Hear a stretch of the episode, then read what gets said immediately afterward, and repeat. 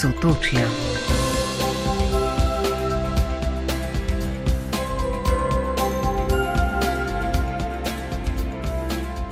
Dober večer, lepo pozdravljeni vsi, ki ste se odločili za družbo rojakov iz sosednjih držav.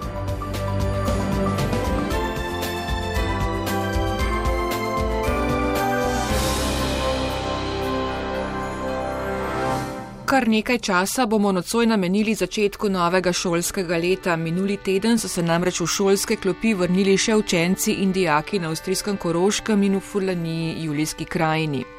Da pouk poteka v šoli je razlog za zadovoljstvo in vodstva šol so skupaj z učiteljicami in učitelji pripravljeni storiti vse, da bi tako tudi ostalo. Preverjanje PCT pogojev, redno tudi večkrat tedensko testiranje učencev in učiteljev, maske na šolskih hodnikih postajajo nova normalnost, boste slišali v nadaljevanju oddaje. Odlične odnose slovenske in mađarske vlade je minuli teden potrdilo pismo o nameri za oblikovanje skupnega sklada za prekmurje in porabje.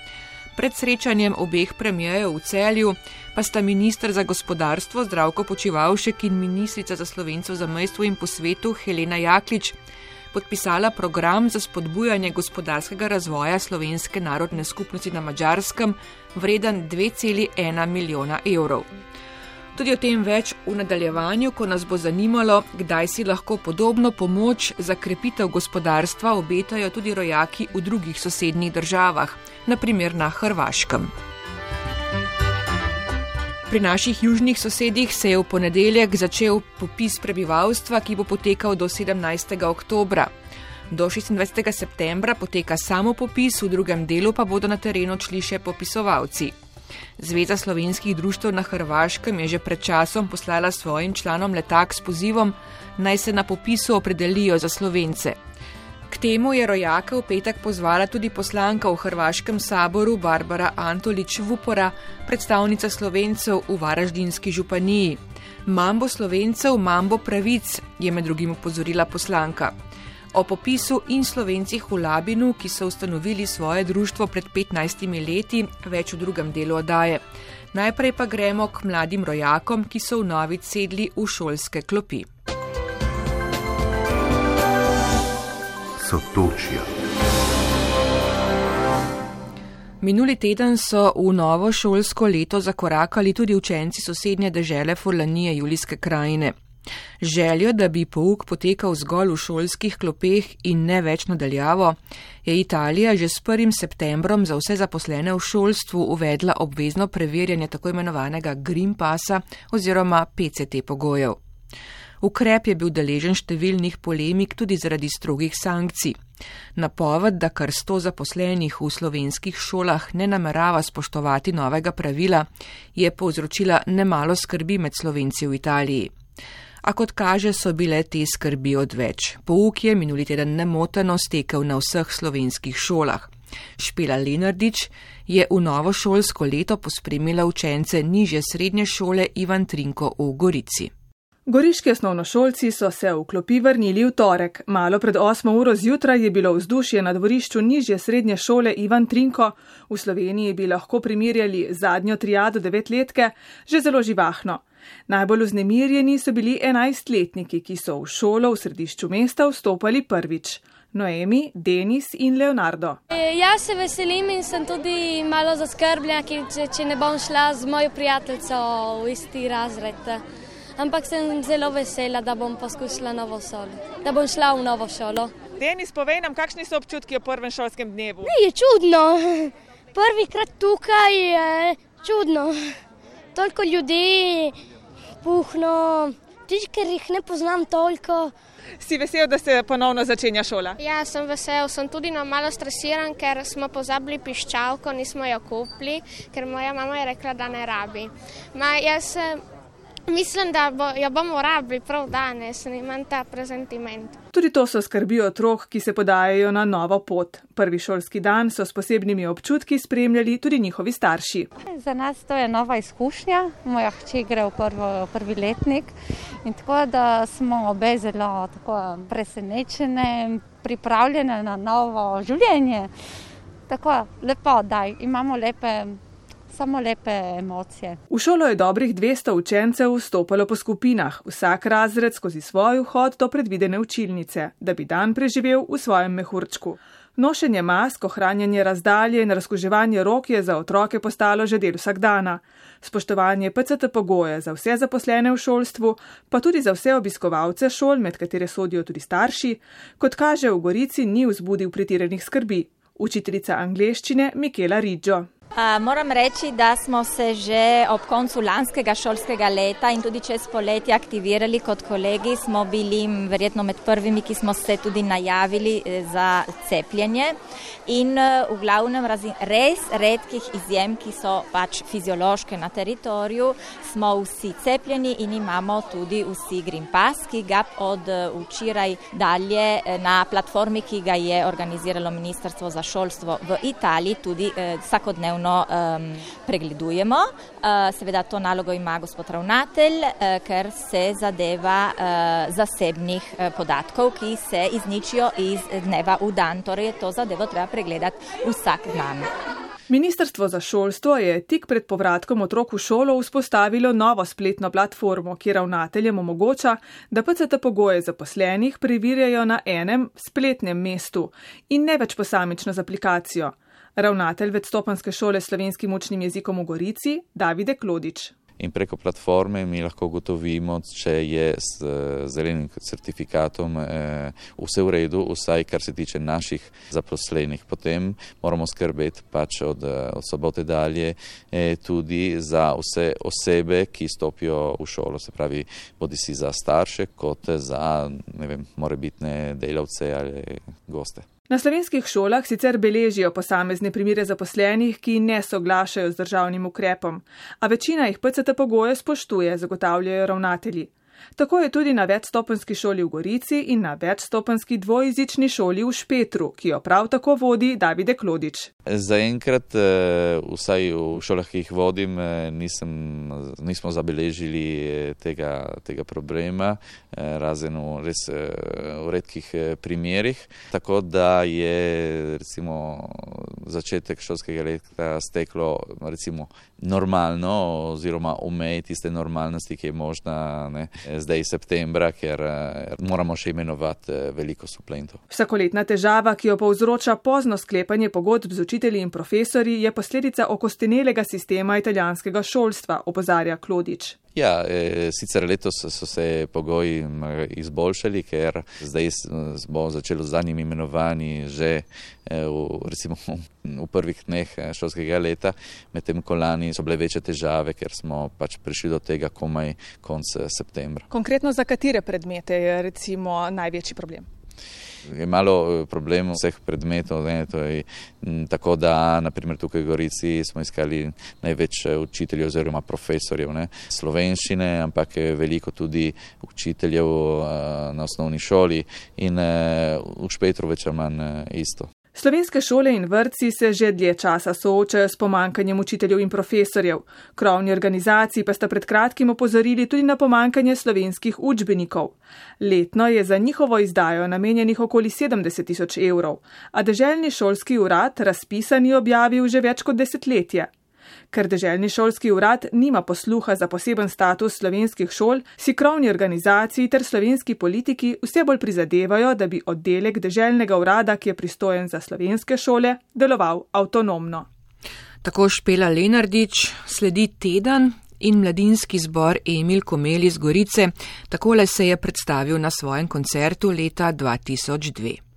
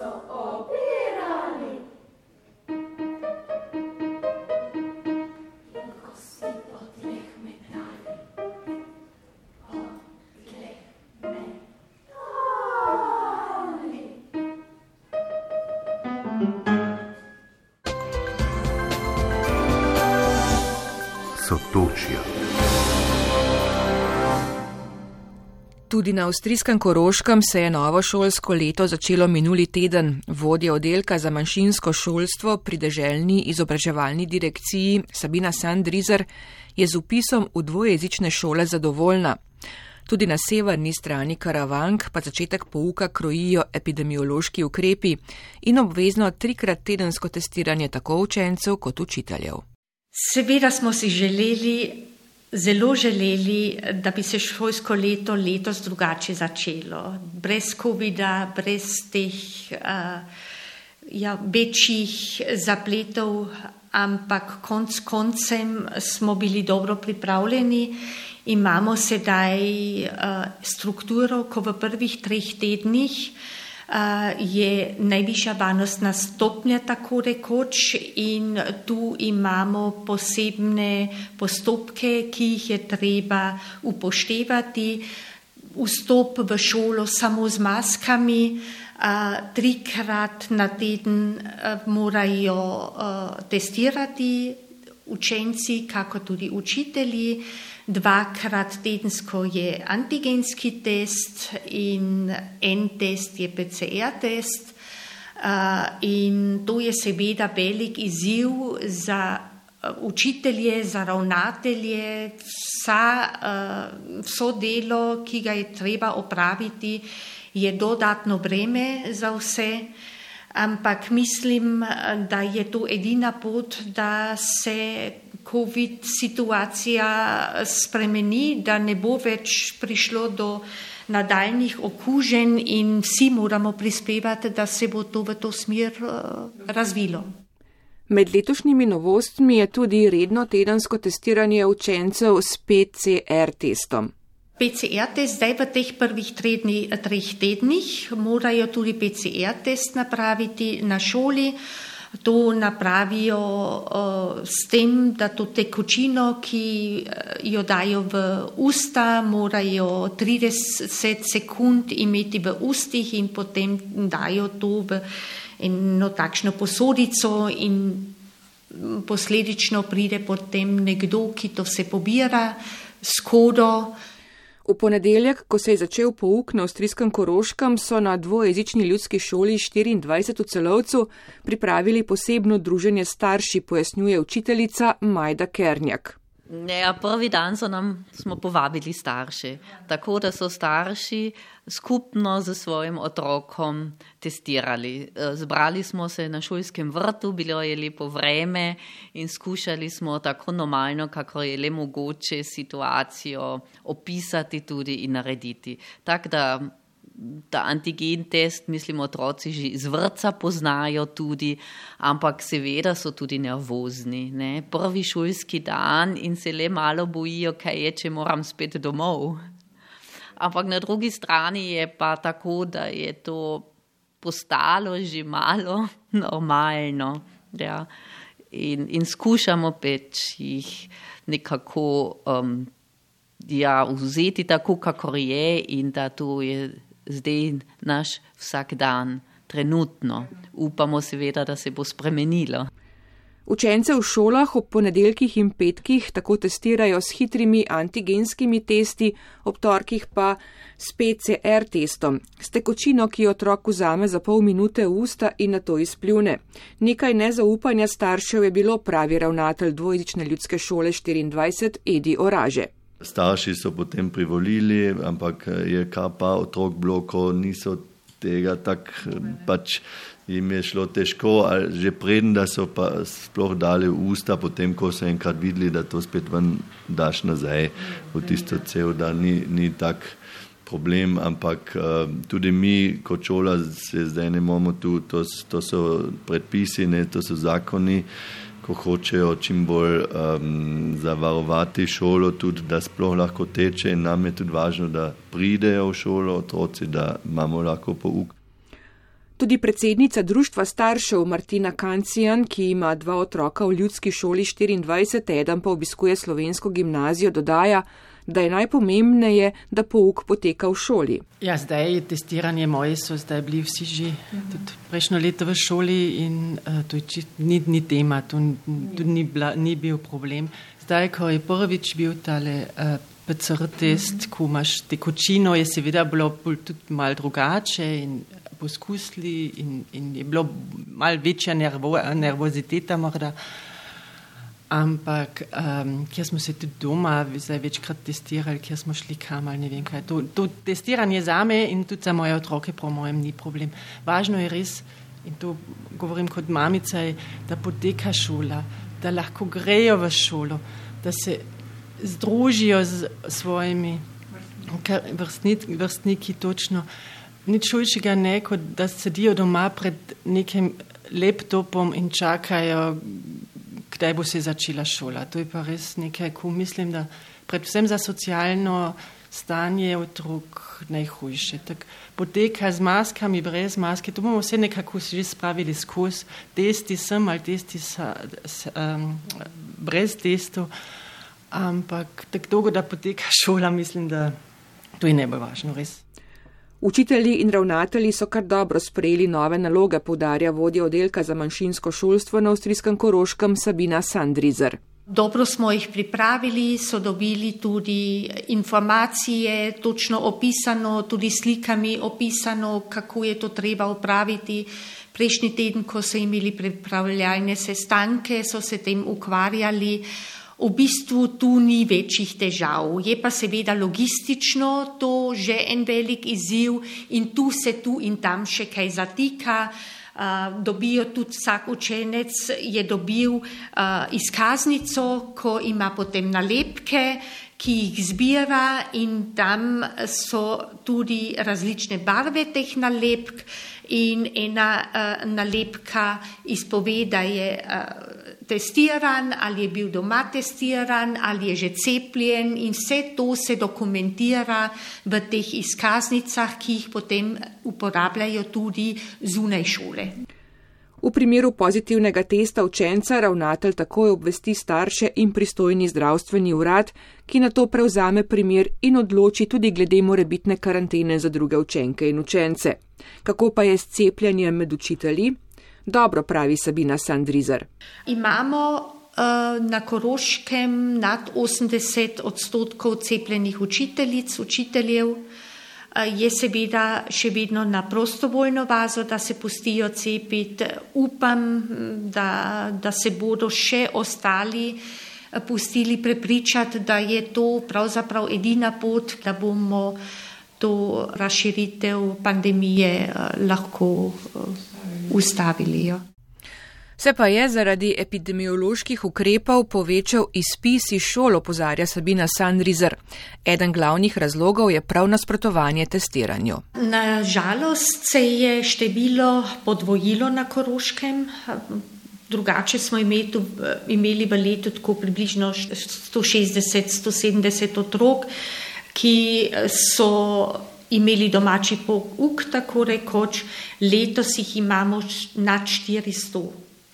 To je za nas seveda uh, jo, zaskrbljujoče, zato ker smo absolutno prepričani, da potrebujejo učenci uh, sošolce merjenje, da se sami lahko merijo, kje sem, kaj, uh, ka, kako.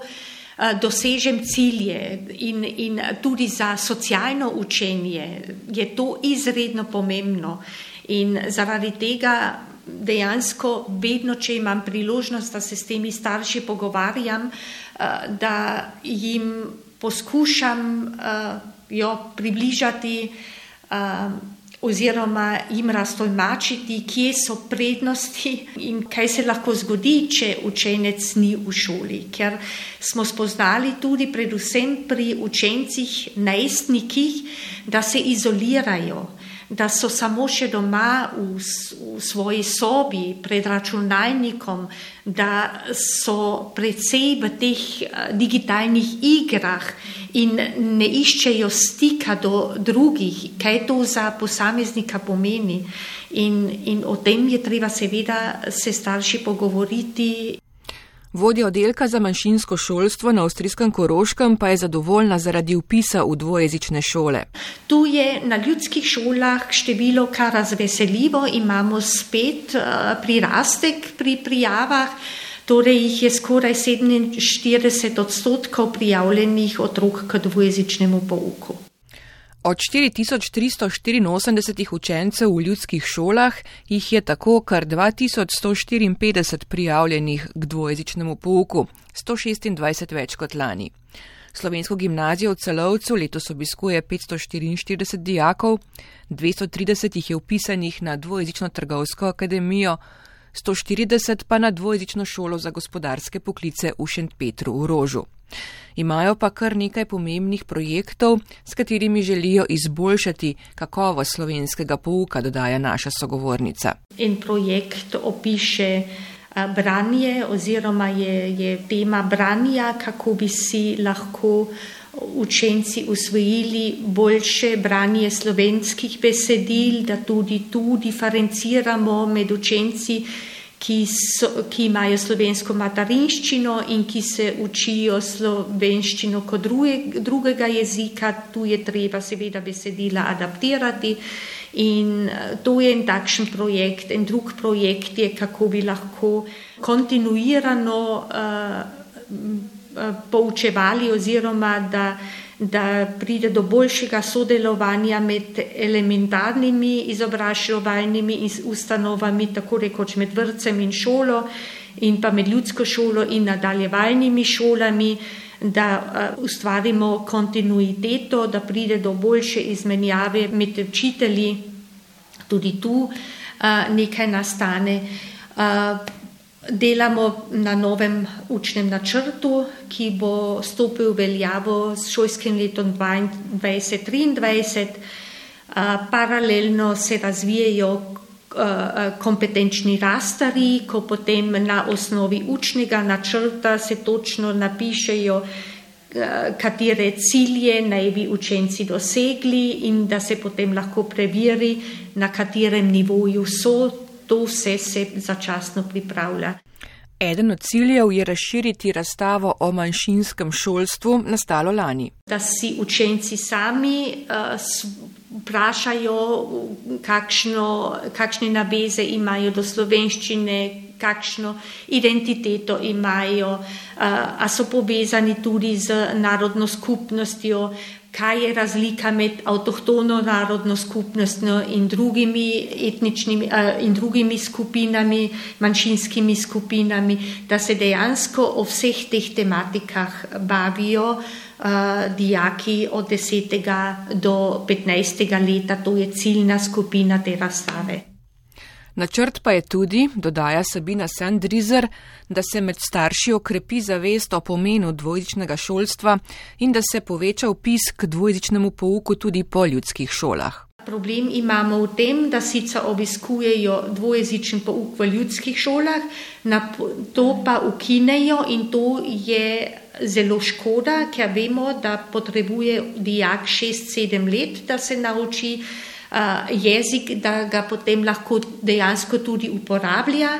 In tu želimo se z strokovnjaki, z gospodarstva, smo jih vabili, da prav na to temo debatiramo, da tudi starše uh, primerno obvestimo, obveščamo, kako pomembno je, da nadaljujejo z učenjem uh, slovenščine tudi na nadaljevalnih šolah in kakšne možnosti imajo potem na, v delovnem prostoru. Več bi si želeli zanimanja za upis k pouku slovenščine na 17 srednjih šolah, ki so na dvojezičnem območju, saj te šole nimajo le pouka slovenskega jezika, temveč je tudi del drugih predmetov v slovenščini. In čeprav zanimanje za upis v dvojezične šole narašča, pred koroškimi slovenci ostaja najpomembnejši izziv. Seveda pa je že izziv, da ugotavljamo, da. Uh, slovenščina kot, kot pogovorni jezik, eh, da je vedno manj govorcev slovenskega jezika. In tu so izzivi, ko pa ne bo mogla šola to vse uh, rešiti, ampak tu potrebujemo širšo podporo. Tu morajo pomagati tudi različna naša društva, kulturna društva, športna društva, treba je, da se imeč jezika izboljša. In tu potrebujemo predvsem tudi politiko in, uh, in vso, javno, vso družbo, da prispeva. In mislim, da se je tu kar precej izboljšalo stanje, ampak zdaj je treba konkretno ukrepati in gledati, da, da dejansko to, kar sem že prej nagovorila, da nadaljujejo z učenjem slovenščine tudi po ljudskih šolah, da nudimo tudi v teh celodnevnih šolah, ko so otroci tudi v popodne v oskrbi, da dobimo tu vzgojitelje, športnike, ki delajo tudi v šolah v slovenskem jeziku. To je meni pomembno, da je ta kontinuiteta, da ne prenehamo z jezikom ob povdne ob 12. ali ko zapustijo šolo, ampak da dejansko tudi v popoldanskih urah, v vseh teh delavnicah se uporablja slovenščina kot delovni jezik. Zato pa rabijo tudi več ustrezno izobraženega in usposobljenega kadra, še dodaja Sabina Sandrizer, vodja oddelka za manjšinsko šolstvo pri izobraževalni direkciji Dežele Koroške ki je pred 30 leti začela svojo pedagoško kariero na dvojezični ljudski šoli 24 v celovcu, prvi takšni javni šoli v Koroški prestolnici. Začetki niso bili enostavni, politične razmere pa ne naklonjene slovenščini, se spominja učiteljica Majda Kernjak. Kar se jaz spomnim, bila sem tedaj študentka, da je bila istočasno ja, tudi um, diskuzija, da bi v dvojezičnih šolah na podeželju ločili pouk, ne, da bi sedeli tisti v enem razredu, ki se učijo slovensko in nemško, in tisti, ki pa samo nemško se učijo, da bi bili v svojih razredih, da ne bi motilo ja, to učenje nemščine. Je bila teda istočasno inicijativa, ne, tudi politično napeta situacija. In lepo je bilo, da v celovcu pa je inicijativa staršev, ki se, ki se bori za javno dvojezično šolo.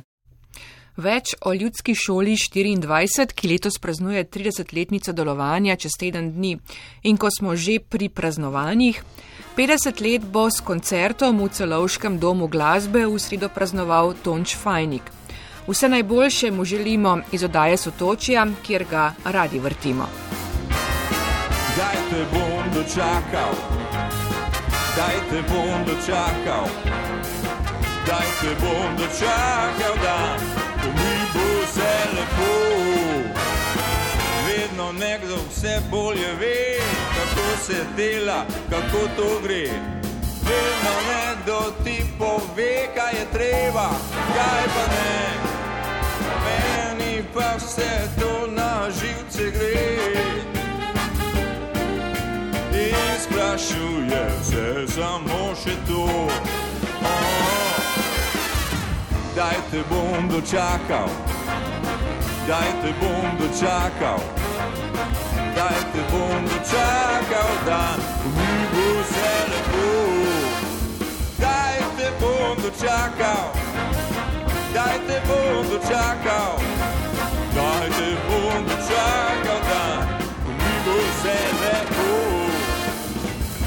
norija je v etru, vsak ima svojo teorijo.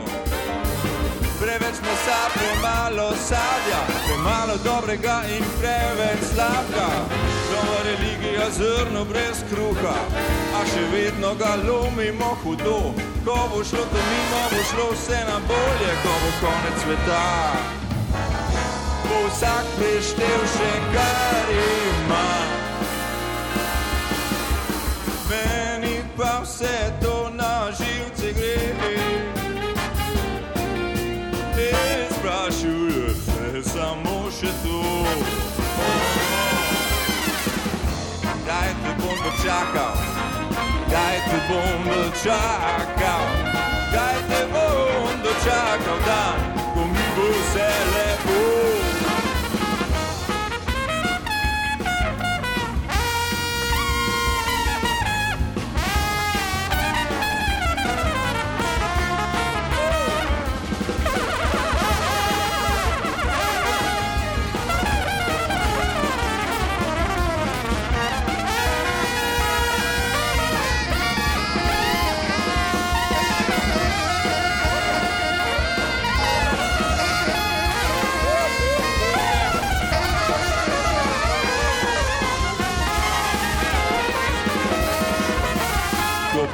Prišel ta dan, ko bom šel od tod, ko me bodo dali v truglo, upam samo to, da ne bo prekratka za me. Ker to bi mi šlo zelo na živce. In bi se še zadnjič spraševal dočakal, kaj te bom dočakal, kaj te bom dočakal, dan, ko mi bo vse lepo. Kaj te bom dočakal, kaj te bom dočakal, kaj te bom dočakal, dan, ko mi bo vse lepo. Kaj te bom dočakal, kaj te bom dočakal bom dočakal dan, mi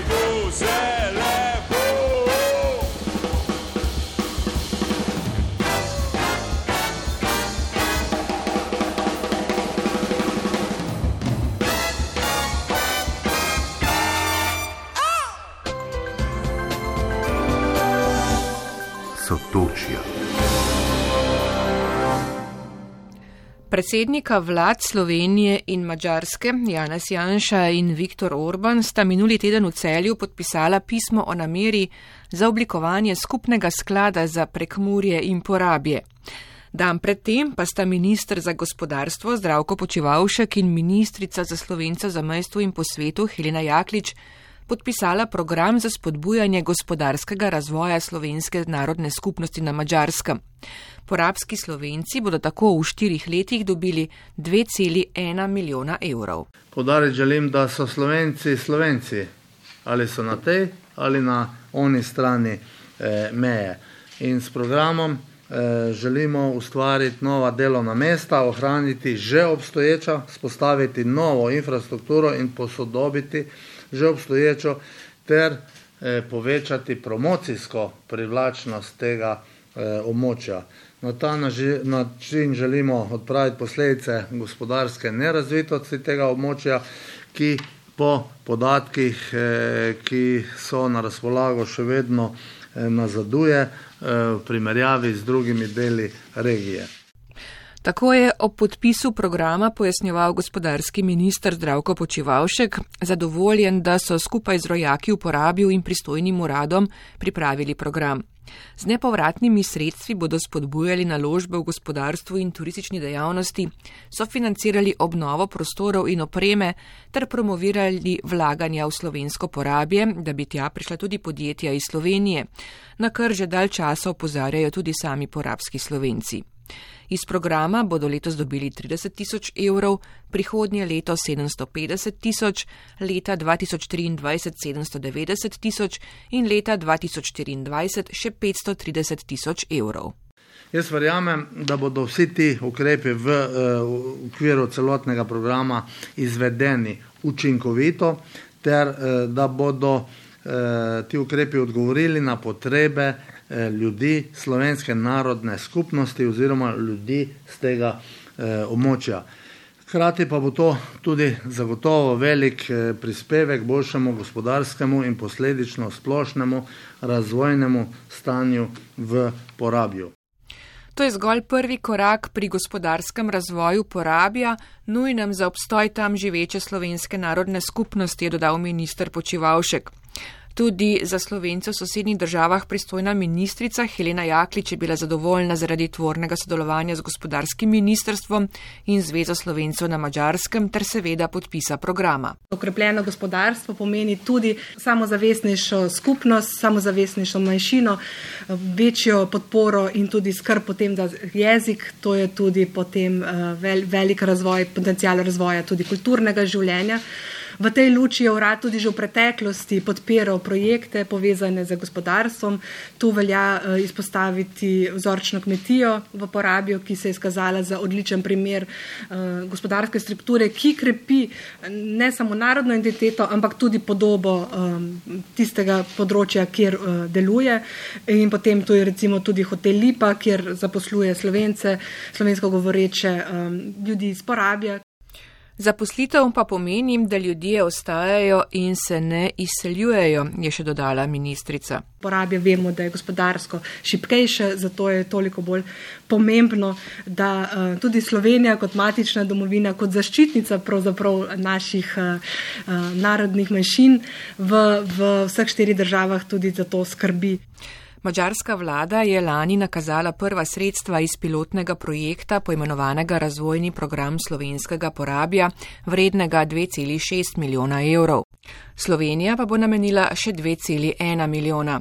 Razumljivo je, da je bila med najbolj zadovoljnimi ob podpisu programa prav predsednica Zveze slovencev na Mačarskem Andreja Kovač. Pomembno je to, da poleg Mačarske tudi matična domovina podpre razvoj gospodarstva v, našem, v naši okolici, podobno kot je bilo to izvedeno v prekmorju, kjer živi mačarska narodna skupnost. Kaj bo prinesel ta program za nas? Ogromno. Vedno smo govorili o tem, da je naša skupnost gospodarsko šipka. In ta program bo prav prispeval k temu, da se okrepijo podjetniki, obrtniki, predelovalci in seveda tudi tisti, ki uh, delajo na področju turizma. Zakaj je to pomembno? Zaradi tega, ker dejansko oni so tisti, ki, ki uh, ponujajo zaposlitev za naše ljudi.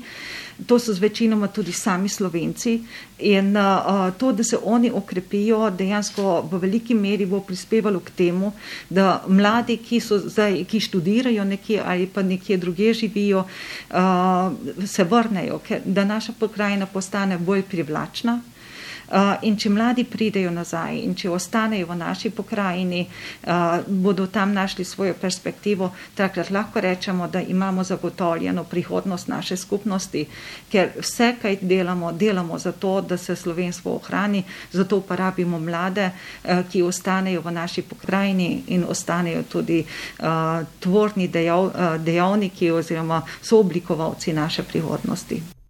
Uporabijo je po zadnjem popisu prebivalstva, ki je bil leta 2011, živelo 2500 slovencev. Andreja Kovač pocenjuje, da jih je dejansko okoli 5000. Območje je bilo desetletja pozabljeno, opozarja, zato je podpora obeh držav nujna.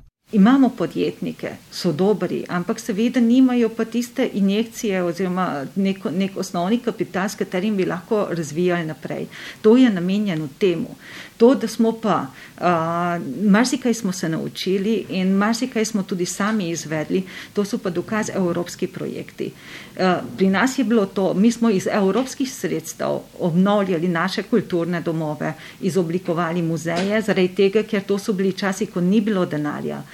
Ne iz Mačarske, spoh pa v državi, kje smo bili, ni bilo no, za, no, za nobeno investicijo denarja. Sami smo se naučili in smo izvajali projekte to, eh, ta sredstva pa bodo dejansko pomagali eh, podjetnikom oziroma obrtnikom, vsem tem, ki delajo že, da se okrepijo in da pridobijo večjo absorpcijsko sposobnost v bodoče za večje investicije, da postanejo bolj prepoznavni in seveda na trgu se tudi bolj lahko po tistem znadeš, če imaš že neko zaledje in imaš tudi uh, dobre sodelavce oziroma ker imaš možnost zaposliti še ljudi. Že nekaj let pa se iščejo podjetja iz Slovenije, ki bi odprla svojo podružnico v porabijo ali tja preselila proizvodnjo.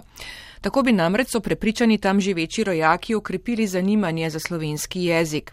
Kakšni so obeti, da bi se to k malu zgodilo? Minister Počivalšek ni želel, kot je dejal, prejudicirati. Ampak zadovoljen bom, ko bomo eh, slovenske strani zinicirali eno pomembno če hočete Greenfield ali Brownfield investicijo v tem delu z pomembnim številom delovnih mest, ki so za mene ključni pogoj za to, da se bodo uh, naši zamejci odločali živeti tam, kot so in se ne uh, izsil, izseljevali iz tega področja. Logično vprašanje za ministra zdravka Počivalška je, kdaj si lahko podobne programe obetajo tudi slovenci v drugih treh sosednjih državah. Na koncu koncev um, imamo zdaj solidno sodelovanje eh, tudi z Mačarsko ali pa zelo dobro sodelovanje z mačarsko manjšino pri nas. Pogovarjamo se z eh, predstavniki italijanske skupnosti za spodbujanje in to tudi financiramo na konc koncev njihove gospodarske aktivnosti na, na naši strani. Začeli pa smo aktivnosti za podporo tudi slovenske narodnostne manjšine v Italiji. To so zdaj aktualne zadeve, na katerih počnemo. In kakšne so te aktivnosti? Te aktivnosti gredo konkretno v smeri iskanja poti, na kak način bomo en podoben program naredili zdaj za slovensko skupnost v Italiji. Ne. Kaj pa naprimer slovenci na Hrvaškem, ki bi bili gotovo prav tako veseli večje denarne podpore iz Slovenije, minister Počivalšek? Lete, zdaj za slovence na Hrvaškem eh, v tem trenutku ne morem reči, zato ker ne živijo nikjer kot strnjena uh, manjšina.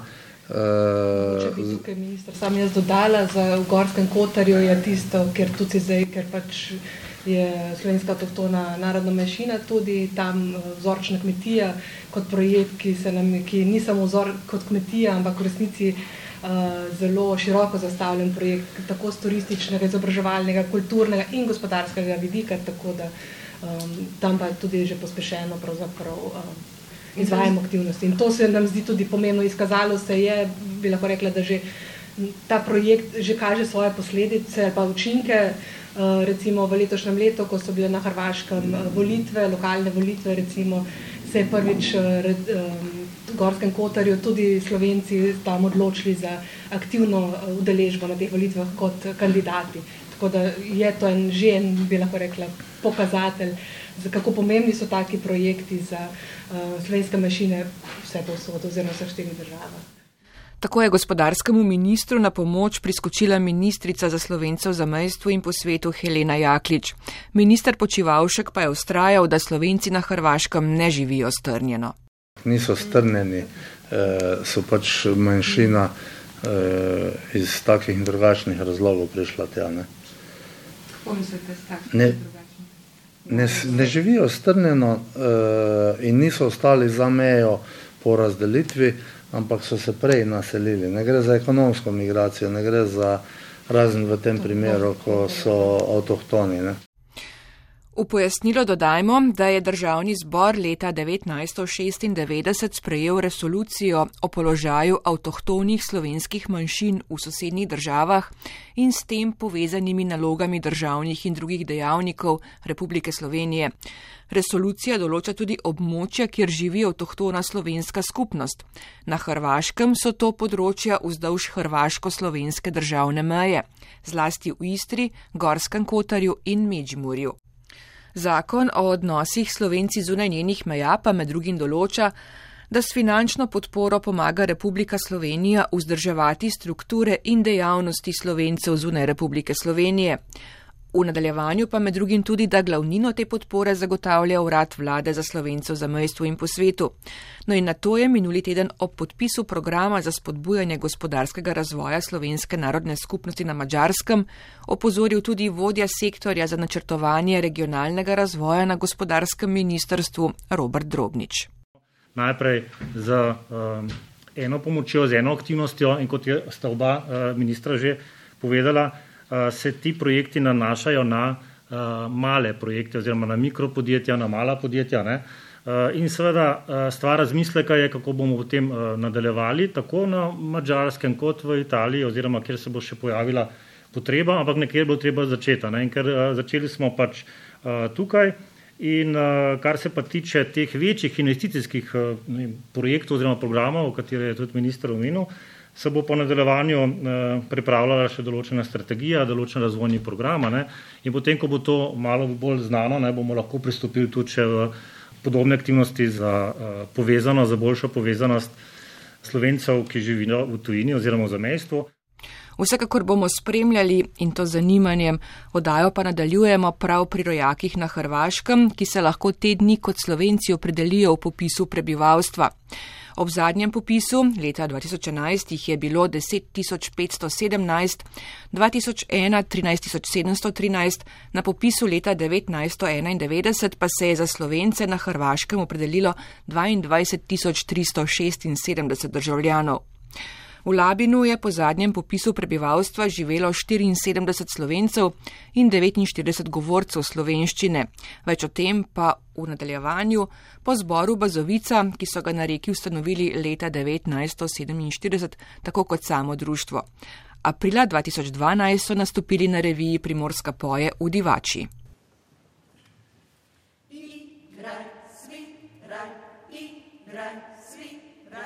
Inoiz, inoiz, nik biztxarko.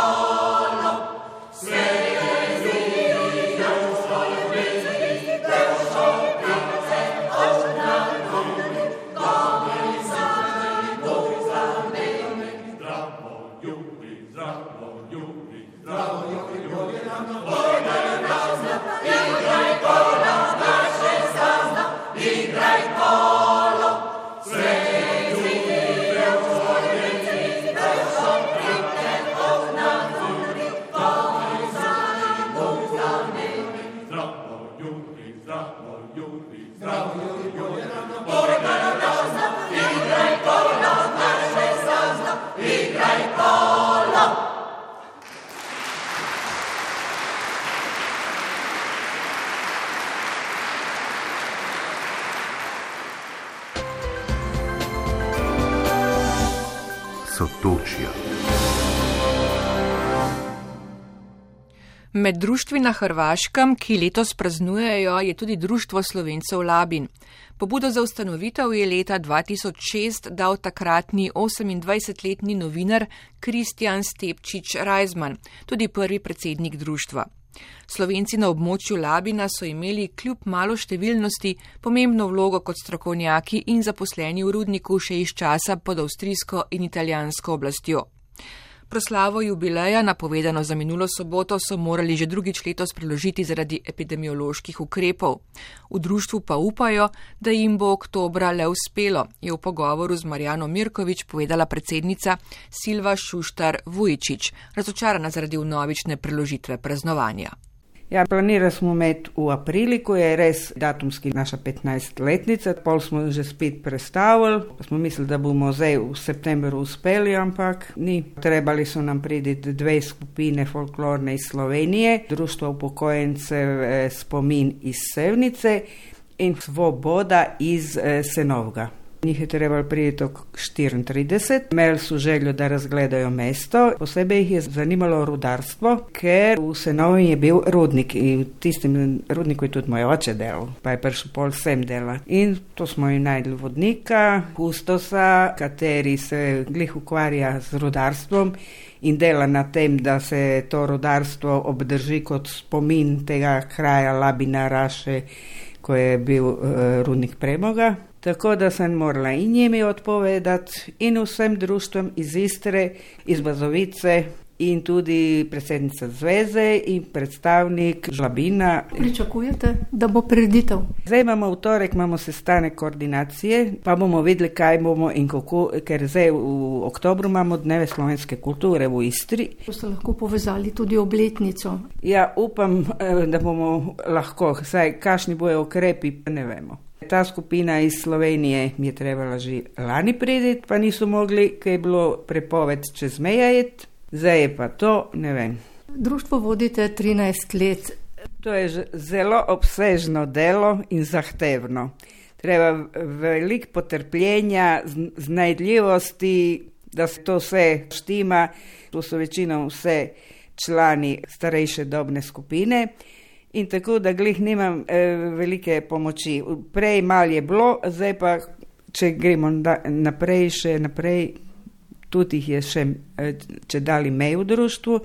In če ima 80 let, ne moreš nekaj od njega zahtevati, da ti pride pomagati.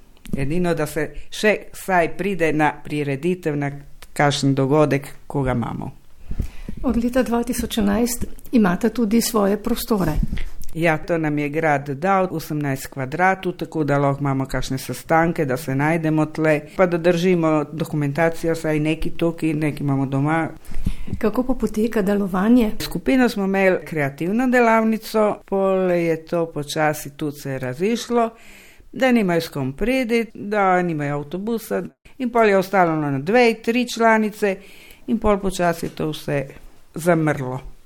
Na Hrvaškem zdaj poteka popis prebivalstva. Kaj pričakujete? Ne verjamem, da bo kaj več, bo samo mej. Ker dosti člani nam je pokojnih, a novi ne upisujejo v društvo, nimajo interesa zdaj, ko so še v službi. Mogoče, da bojo mal starejši, se obrnejo k nami, ampak za zdaj je tako. Momentalno imamo 35 članov. En čas smo jih imeli okrog 90, tudi zdaj, ko je korona, mi se nekaj članov razpisalo radi korone.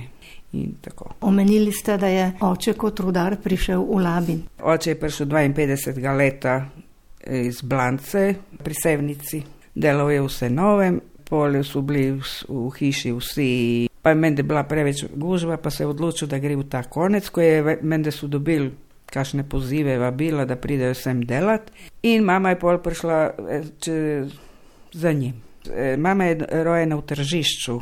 Ja, nis, nisem živela nikjer v Sloveniji, sem zmeri od lab, v Labinu. Tukaj sem v šole hodila, a v više šole sem hodila v Reka. In sem vzgojiteljica v vrtu, sem delala in 42 let, zdaj sem pa upokojena.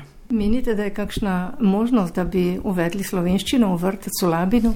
Smo bili pri ravnateljici vrtca, se dogovarjali za projekt Muca Cupatrca. To lani ni uspelo in zdaj eh, bo, tako da so se vključili v ta projekt. Pogovarjali smo se tudi o tem, da bi se odprl kot igralnica za otroke na slovenščini v popovdnevnih časah. V marcu lani, glih ko je korona začela se in pol je to vse zamrlo. Bomo videli, kako bo naprej. Kristjan Stepčič Rajsman, vi ste ustanovitelj društva in prvi predsednik. Kako je prišlo do tega? To je bilo leta 2006, 3. aprila. Sem vedel, da je veliko slovencev na področju Labina. Tudi ko sem bral določeno literaturo, sem videl, da so tudi od avstro-ogrskih časih tukaj prisotni slovenci, ampak razen nekakšnih neformalnih zgodb, ni bilo nobene formalne organizacije, ki bi lahko recimo pričala o tej prisotnosti sem jaz prišel tako na idejo, da bi bilo zanimivo oformiti slovenski klub za področje bivše občine Labin. Problem je bil v tem, ker številka slovencev ni bila zadostna, da bi imeli svet slovenske manjšine ali predstavnika. Čeprav je bilo veliko ljudi, za katere jaz vem in po mojem starem očetu, da so slovenci, ampak nekako, ko je šlo za nacionalno predelitev, statistika je govorila nekaj drugega. In potem smo se morali odločiti za to opcijo udruge. Sem začel kontaktirati rojake, določeni interes je obstajal. In na tem prvem sestanku smo se zbrali še Teodor Štucin, Zdenko Bevčar, David Vodopivec, Mirko Posedel in Gaetano Sedej. To je bilo nekakšno prvo uh, jedro. Potem smo dogovorili ustanovitveno skupščino. Na tej prvi listi ko so se ljudi začeli učlanjevati, je bilo sigurno 10 do 15 članov moje generacije ali pa mlajših. Ampak potem ži, življenje dela svoje. Ne. Navezali ste stike tudi z drugimi društvi. Ja. Od Bazovice je prišla velika pomoč v organizacijskem in informacijskem smislu in uh, tudi od naših rojakov iz Pulje. Omenili ste, da je bila v Labinu tudi šola v slovenščini. To smo našli ta stari slovenski šolski imenik. V tem času po drugi svetovni vojni, ko se je začela spreminjati struktura prebivalcev Labina in ko so začeli v večjem številu prihajati slovenci delati v rudnik, potem je za njihove otroke bilo organizirano tudi pouk v slovenščini v osnovni šoli v Labinu. Se mi zdi dve leti, ampak ne morem povedati točno. Omenili ste tudi zanimive zgodbe eh, slovencev v Labinu. Nekateri so prihajali med obema vojnama, nekateri po drugi svetovni vojni tudi iz Francije. Ja, stari oče in moja stara mama so prišli tukaj delati eh, leta 1947 iz Francije. V Francijo pa so šli eh, v začetku 20. stoletja, stari oče je bil iz Maribora, a stara mama iz Velenja. Po drugi svetovni vojni moj oče je bil zelo optimističen z novo državo in z novim, recimo, okoliščinami. In potem se je odločil za vrnitev, je moral delati v Trbovlju. Ampak tam je nekaj šlo na robe, ali pa je obstajala večja potreba na državni ravni v Labinu, in potem so ga poslali uh, v Labini, ne v Trbovlje. In potem je tukaj delal v rudniku, zelo hitro je šel Eh, se je upokojil in tako je to začelo. Kje pa ste vi rojeni? V Vinežu, tukaj pri Labinu. Mama je, roje, je rojena v Franciji in tudi dve teti so tudi rojene v Franciji. Slovensko ste govorili doma? Se trudim, ampak vedno delam napake in potem vedno učim nekaj novega. Ko je moja eh, stara mama bila živa, vedno se je govorilo po slovensko. Ko je ona umrla leta 83, potem je to začelo počasi izginjati čeprav se mi trudimo skozi stike s sorodniki v Sloveniji in tudi skozi naše društvo ohraniti to slovensko besedo. Ne. Moja stara mama je bila recimo za tedanje standarde poliglot in, je, in se, se trudila, da tudi nekaj te francoščine ostane. Čeprav je v istem času učila labinski dialekt, ohranjala slovenščino, učila hrvaščino, tako, ampak se trudila tudi, da nekaj teh slovenskih besed ostane. Da. Marjan Milevo je napisal tudi knjigo o kulturni zgodovini Labina in posebno poglavje namenjal slovencem. Med drugim navaja tudi vrsto slovenskih prijemkov. Imate vi danes še stike? Ja, Ipavec, Vidmar, Bevčar, Sedej, Selan, Bek, Česnik, Krnilogar. Ja, to so recimo ti prijemki. Še danes so tudi navzoči ampak eh, recimo je zelo različna situacija v eni isti družini. Morda en član se opredeljuje kot slovenc, drug pa kot hrvat ali ne vem, tudi recimo morda tudi italijan. Tako da je zelo različna situacija v eni sami isti družini. Ja, jaz se opredeljujem kot slovenc, to, to sigurno. Veselo Šutar Vujčič in Kristjan Stepčič Rajsman, hvala za pogovor in uspešno tudi v prihodnje. Ja, upam, da bo. Bo bo.